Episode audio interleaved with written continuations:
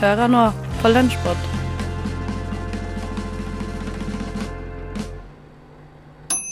God formiddag. Velkommen til en ny episode av Radio Nova sin Lunsjpod.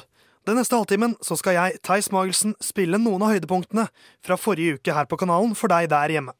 Og passende nok for en lunsjpod så starter vi på kjøkkenet. Eh, Kristin Gryland fra Vitenselskapet. Hun har tatt en titt på kjøleskapets fremtid. Hei og velkommen til Matselskapet, Vitenselskapets eget matlagingsprogram. I dag skal vi lage den berømte retten pannekaker, en slager på de fleste matbord. Nå har jeg tatt fram en bolle her, så alt er egentlig klart til å begynne å blande sammen røra. Og da tenker jeg at vi bare kan begynne. I dag har jeg fått med meg en medhjelper, og det er ingen ringere enn selveste kjøleskapet.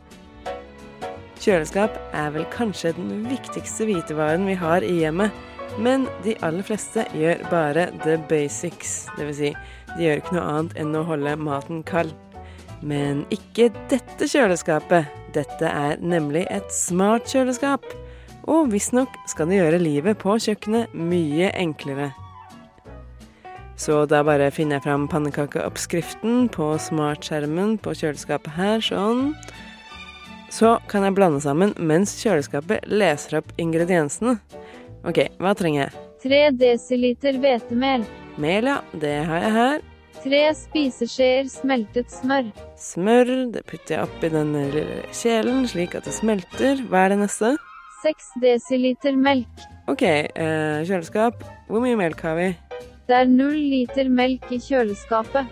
Å ja, jeg skulle på butikken i dag. Ok, det er litt pinlig. Men eh, jeg antar vi får stikke en tur på butikken, så fortsetter vi straks. Ok, da er jeg på butikken, og jeg har ikke skrevet en huskeliste, for jeg har nemlig en app her som er kobla opp mot kjøleskapet. Så skal vi se. Melk trenger vi, ja. Den er jo grei. Og egg må vi ha i pannekakerøra. Mm, tre egg trenger vi. Men jeg har jo egg fra før, så det er ikke sikkert jeg egentlig trenger å kjøpe La oss finne fram kjøleskapskamera på appen her. Det er nemlig et kamera på innsiden av kjøleskapet også, som viser hvilke varer som er der fra før. Skal vi se Der er osten, kokt skinke, og der er pakka med egg. Ja, eh, eggene er jo inni pakka, så jeg kan strengt tatt ikke se hvor mange jeg har igjen. Skulle vel kanskje hatt et røntgenkamera i tillegg i smartkjøleskapet mitt, kanskje. Det kan kanskje virke litt upraktisk for dere der hjemme, men la meg bare minne dere på at jeg faktisk ikke har trengt å åpne kjøleskapet mitt i hele tatt i dag. Og det er jo på en måte bra. Smartkjøleskap er jo en slags framtidsutopi, men som man faktisk kan kjøpe for en temmelig dyr penge. Hva de kan gjøre, varierer litt fra merke til merke. Men det som gjør dem smarte, er at de kan koble seg til internett, slik at de kan gjøre ting som et vanlig kjøleskap bare kan drømme om. F.eks. ha en touchskjerm som kan vise hva som er på innsiden av kjøleskapet uten at du trenger å åpne døra. Eller som man kan legge en beskjeder på. Eller f.eks. se Netflix på. Eller hva med å justere temperaturen på hver enkelt hylle? Alt det der er for så vidt vel og bra, men la oss være ærlige. Det er ikke så innmari nyttig, og i hvert fall ikke verdt å betale masse ekstra for. Men noe som virkelig ville vært smart med et smartkjøleskap, er å kunne konstant sjekke hvilke varer du har, hvor mye som er igjen av dem, og når de går ut på dato. Problemet er at eh, kjøleskapene er ikke helt der. Ikke ennå, i hvert fall. De kan holde styr på alt det der, men du må teknisk sett plotte det inn manuelt for at det skal funke. Og det gidder man jo ikke. På noen smartkjøleskap må du skanne inn varene når du setter dem inn, mens nyere kjøleskap bruker RFID-teknologi, som vil si at kjøleskapet kan registrere små chipper i varene automatisk idet du setter dem inn. Problemet er at det er ikke alle produkter som har slike chipper. Andre kjøleskap bruker sensorer som skal merke om du flytter på en vare, eller om den er blitt lettere, men heller ikke dette fungerer helt optimalt. Dagens smarte kjøleskap er rett og slett ikke smarte nok. Så enn så lenge får vi kikke i kjøleskapet før vi går for å handle, og overlate til butikkenes bonusapper å registrere alt vi kjøper. Det virker som det fortsatt er en vei å gå da for disse kjøleskapene, men eh, før vi vet ordet av det, så har de kanskje laget maten for oss uh, uten at vi trenger å gjøre så mye selv. Kristin Gryland der og Vitenselskapet. Radio Nova. I helgen så ble Femfest arrangert, og Radio Nova vi var med på festen. Synnøve Berg Meisingseth og Linda Therese Rosenberg intervjuet journalist Hilde Sandvik og Victoria Øverby Steinland fra Likestillingssenteret foran publikum. Fokuset ble blant annet satt på de fem hersketeknikker som ble definert av Berit Aas på 70-tallet.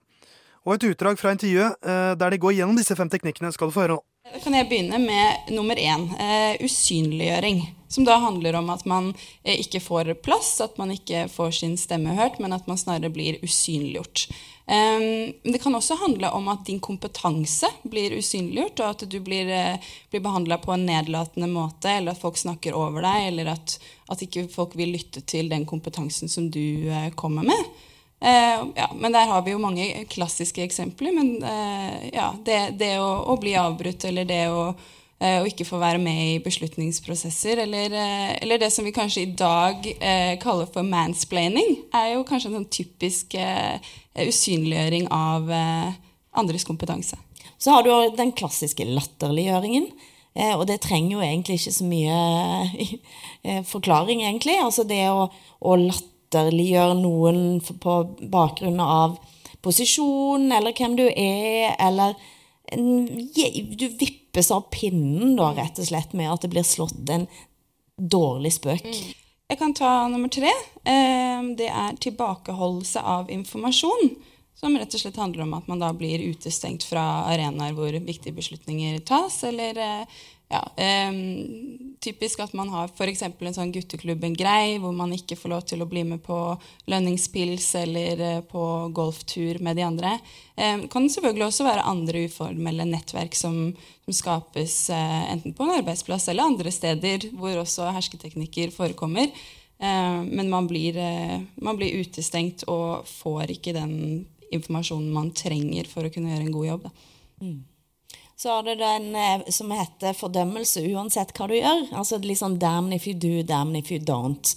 Eh, og det er jo Den er litt vanskeligere å forklare, men en sånn klassisk eksempel eh, er eh, hvis du er kvinne og har barn, eh, velg å være hjemme, eh, så er det ikke bra. Hvis du er kvinne og har barn og er veldig mye på jobb, så er det ikke bra. så uansett hva du gjør, så er det på en måte feil, da. Eh, fordi det er, det, det er, en eller annen form for Det er jo en form for shaming, det òg, da. Ja. Jeg har også tenkt på at den kanskje kan referere litt til det her med å vise følelser også. At kanskje eh, hvis du viser mye følelser, hvis du er sint f.eks., da blir du fort hysterisk. Da må du roe deg ned. Eh, hvis du ikke viser nok følelser, da er du ikke engasjert nok kanskje heller. Eh, og Det er klart at det tror jeg er noe alle kjønn kan eh, kjenne på, men så er det også en god del eh, kjønna stereotypier knytta til hvem som viser hva slags følelser, og hvilke følelser som er greit å vise her og der. Ja, altså Hvis du er en kvinne da, som ikke nødvendigvis er sånn som lett eh, gråter, eller hva som helst, så blir du kalt for isdronningen, f.eks. Mm. Eller ukvinnelig. Mm. Og så blir du lett hysterisk i den andre enden. da. Ja. Mm. Der er en til? Ja. ja. Eh, den siste det er påføring av skyld og skam, eh, som eh, handler om når du på en måte blir shamet, da. Du, du, får ikke legitim kritikk, men du blir i stedet liksom ydmyket.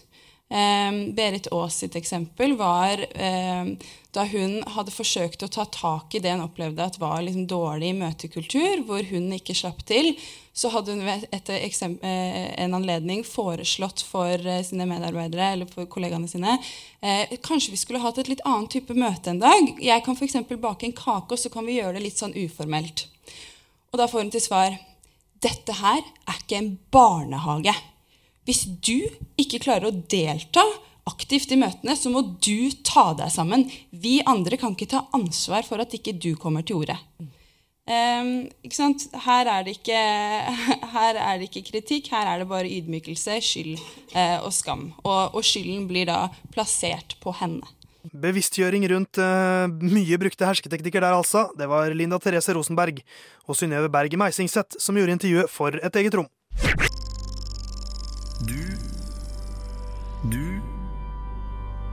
Du hø hører på. på Radio Nova. Vi vandrer videre til studentnyhetene. For Venstrealliansen de stilte nylig et mistillitsforslag mot en del av hovedstyret i SIO. Så vi gir ordet til Håkon Christoffersen og Martin Mathiassen Øding, som intervjuer Johanne Saastad fra nettopp Venstrealliansen. Ja, dramatikk i studentpolitikkens eh, verden. For denne uken stilte jo din liste, Venstrealliansen, et mistillitsforslag mot uh, noen av studentrepresentantene i SIO sitt hovedstyre. Resultatet ble jo da avgjort i går, torsdag kveld, uh, og det ble ikke vedtatt mistillit fra Velferdstinget. Eh, Kan dere fortelle litt om hvorfor dere valgte å stille et slikt forslag? Ja, jeg kan jo begynne å si med at dette er noe vi har vurdert lenge. Mm. Og nå kommer det til et punkt hvor vi følte at nå er tiden moden. Men vi har tenkt på det i i hvert fall et år. Eh, Bakgrunnen er tre konkrete saker. Eh, Velferdstinget fikk langt mer penger enn det vi ba Masio til å drifte vår egen altså bedrift og til å dele videre til studentfrivilligheten. Eh, Prosessen for å søke om disse pengene er blitt endret, eller vedtatt endret, uten at vi har fått muligheten til å påvirke det i forkant. Eh, og SIO har gått inn for å først selge deler av, og så selge de resterende delene av eh, ja, et underselskap som har drevet med drift og vedlikehold av studentboliger. Eh, Det er nå helt kommersialisert. Eh, Og så vidt jeg har skjønt, så har ikke lenger SIO noen representanter i styret i det firmaet, så man har mistet påvirkningskraft. Og de tre tingene til sammen viser for oss at nå har vi ikke tilstrekkelig mulighet til å påvirke lenger. Da må vi gjøre noe.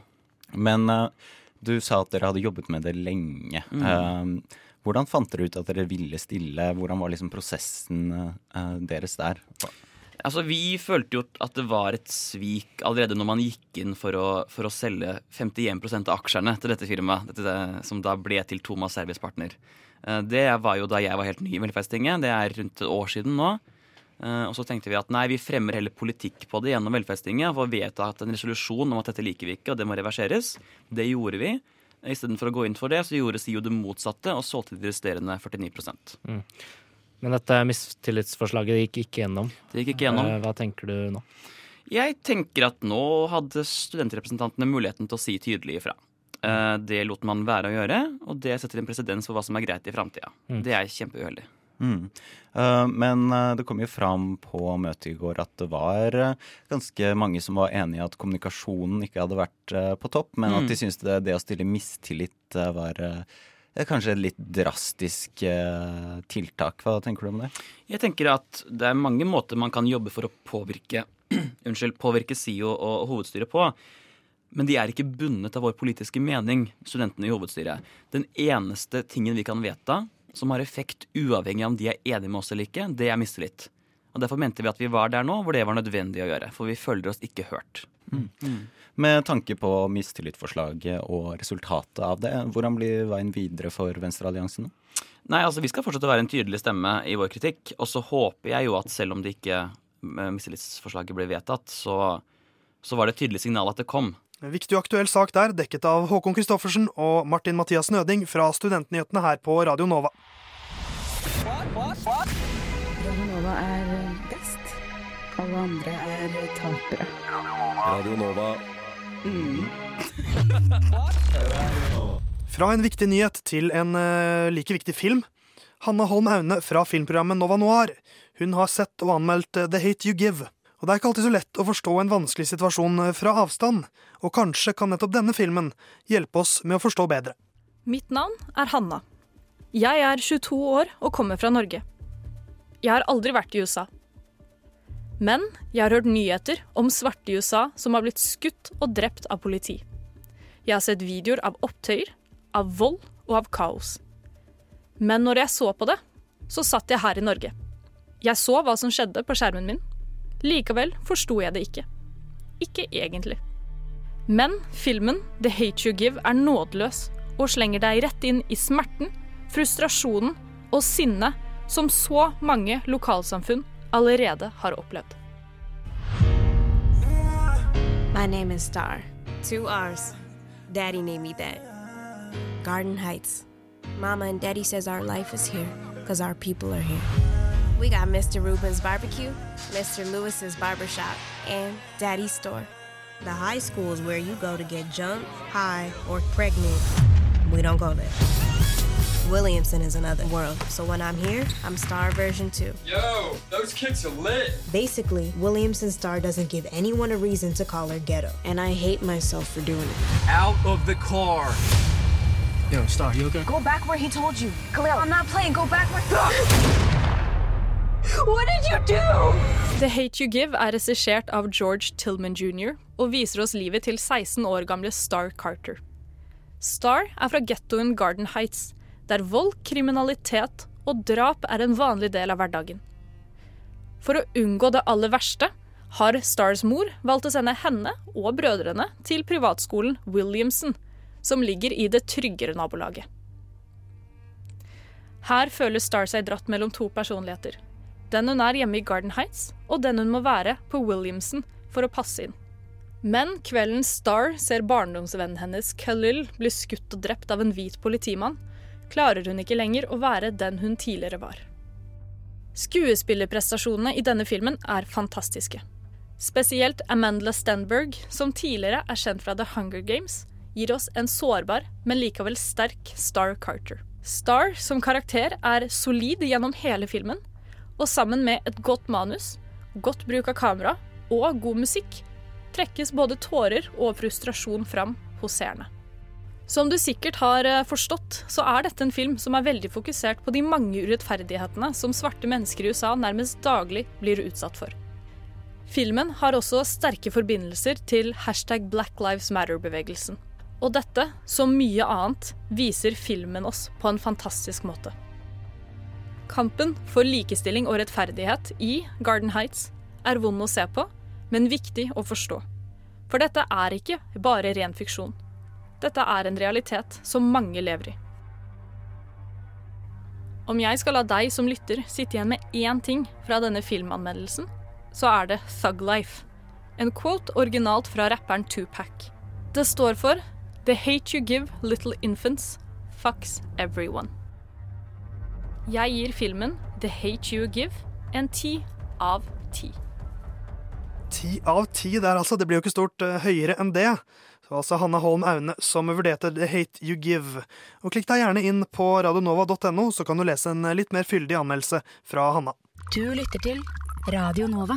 Det aller nyeste programmet vi har her på Radio Nova, det heter Eventyrtimen. Og det handler rett og slett om Dungeons and Dragons. Du skal få gleden av å høre et lite utdrag fra deres andre episode. Og Der får vi høre Dungeon Master Magnus Tune ha med seg Robin Frøyen og Even Stetrud i en aldeles strålende rollespillsekvens. Dette virker som en veldig unyttig duppedings. Ja, altså Det er jo egentlig mest bare til pynt, da. Altså Det er jo sånn type trinkets og småting. Men hvis det er noe, er noe sånn spesifikt du, du leter etter, så kunne vi sikkert eh, se om jeg finner det på bakrommet eller sånt. da. Ja, mm, ja det...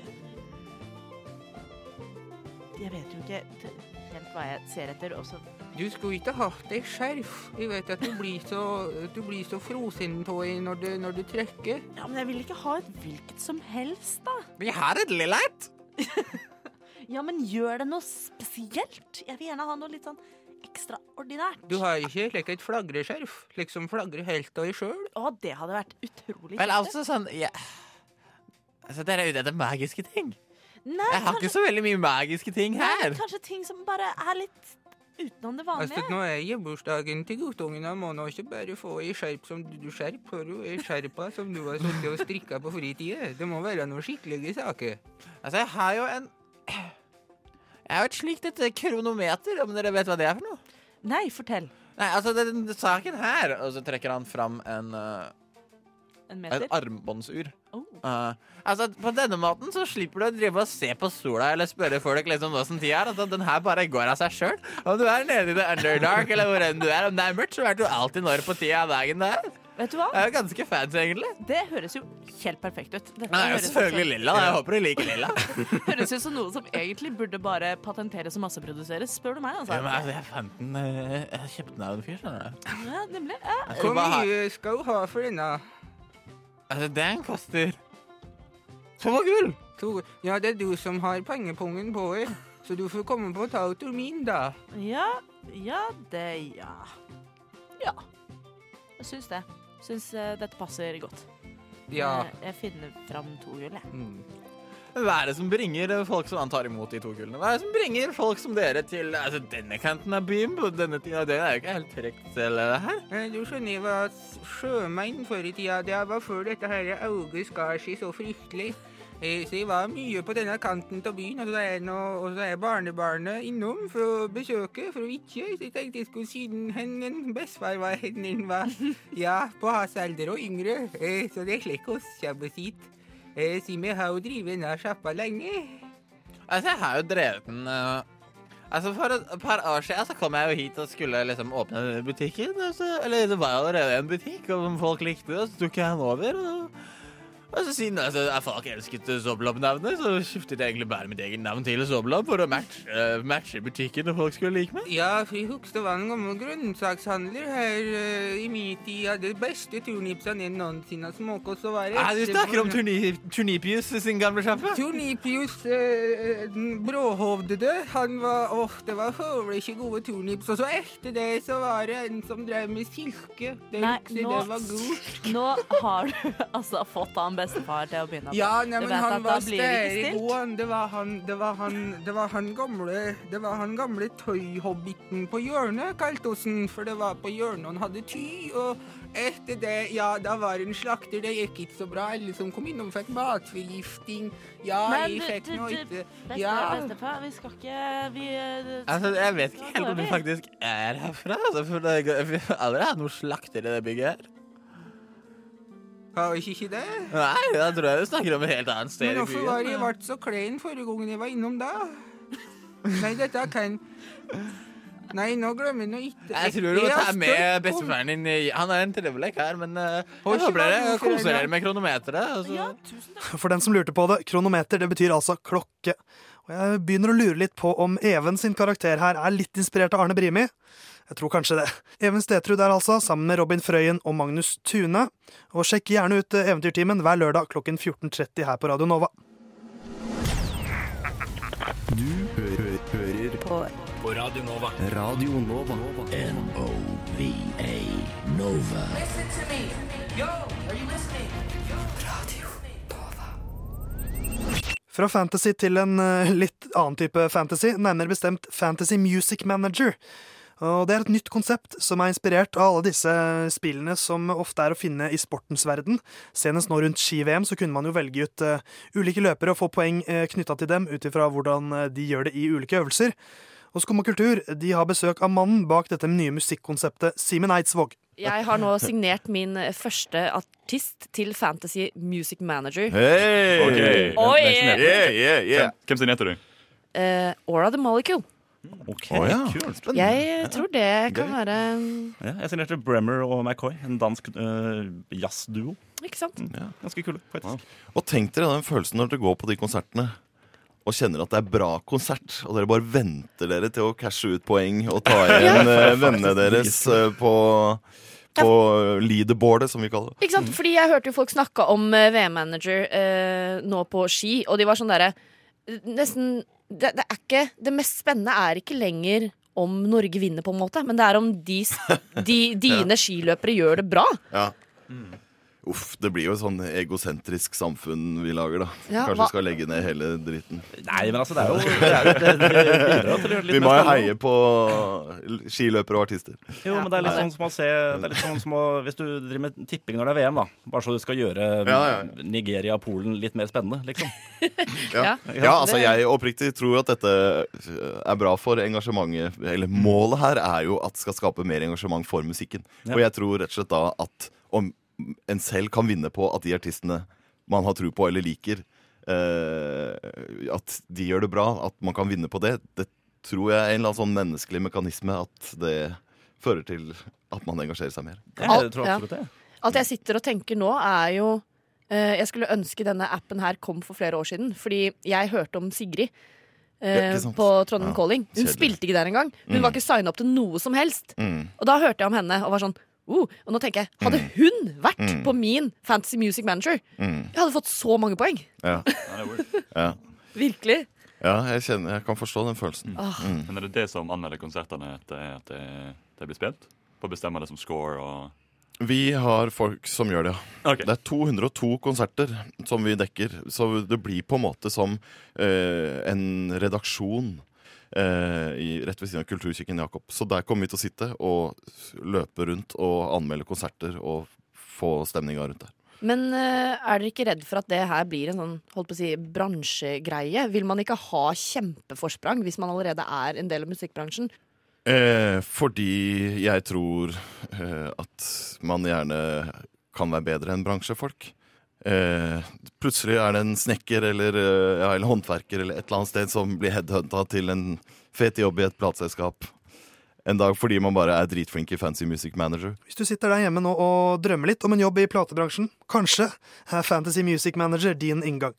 I studio der for Skumma kultur var Henning Høie Kolås, Sjur Havro Bjørnstad og Melinda Haugen. Lyssna stedet til Radio Nova. Kanskje har du ikke så store drømmer, kanskje drømmer du bare om å komme i mål med kvalifiseringsoppgaven din. Men fortvil ikke hvis du sliter litt med, med arbeidslysten. Torolf Høstmælingen fra tekstbehandlingsprogrammet han har laget en guide. Jaså, du har fått en kvalifiseringsoppgave? Kanskje du har fått to, til og med? Kanskje stoffet er vanskelig, og du pga. influensa ligger tre uker bak skjemaet? Bare rolig. Med disse sju enkle tipsene kommer du garantert til å få en middels karakter med et middels til høyt stressnivå. Ikke pga. arbeidsmengden, men fordi du er en latsekk, og du vet det. Tips nummer én. Still alarmen din til klokken halv åtte, men snus til klokken ni. Dette vil uten tvil forvirre deg nok til at du må drikke to kopper kaffe og spise en god frokost i en times tid. Du får derfor ikke dratt på universitetet før klokken nærmer seg 11. Perfekt! Tips nummer to. Bær alltid med deg alle bøkene dine, men for guds skyld aldri lese dem. På denne måten får du kjent på tyngden av din potensielle kunnskap. Men det faktum at du ikke leser i bøkene, vil stresse deg akkurat nok til at du ikke orker å se på dem. Tips nummer tre. Ikke jobb med oppgaven i mer enn seks timer, inkludert pauser. Ved å jobbe for lenge får du ikke utnyttet all den viktige fritiden du har. Med dette kommer en enkel huskeregel.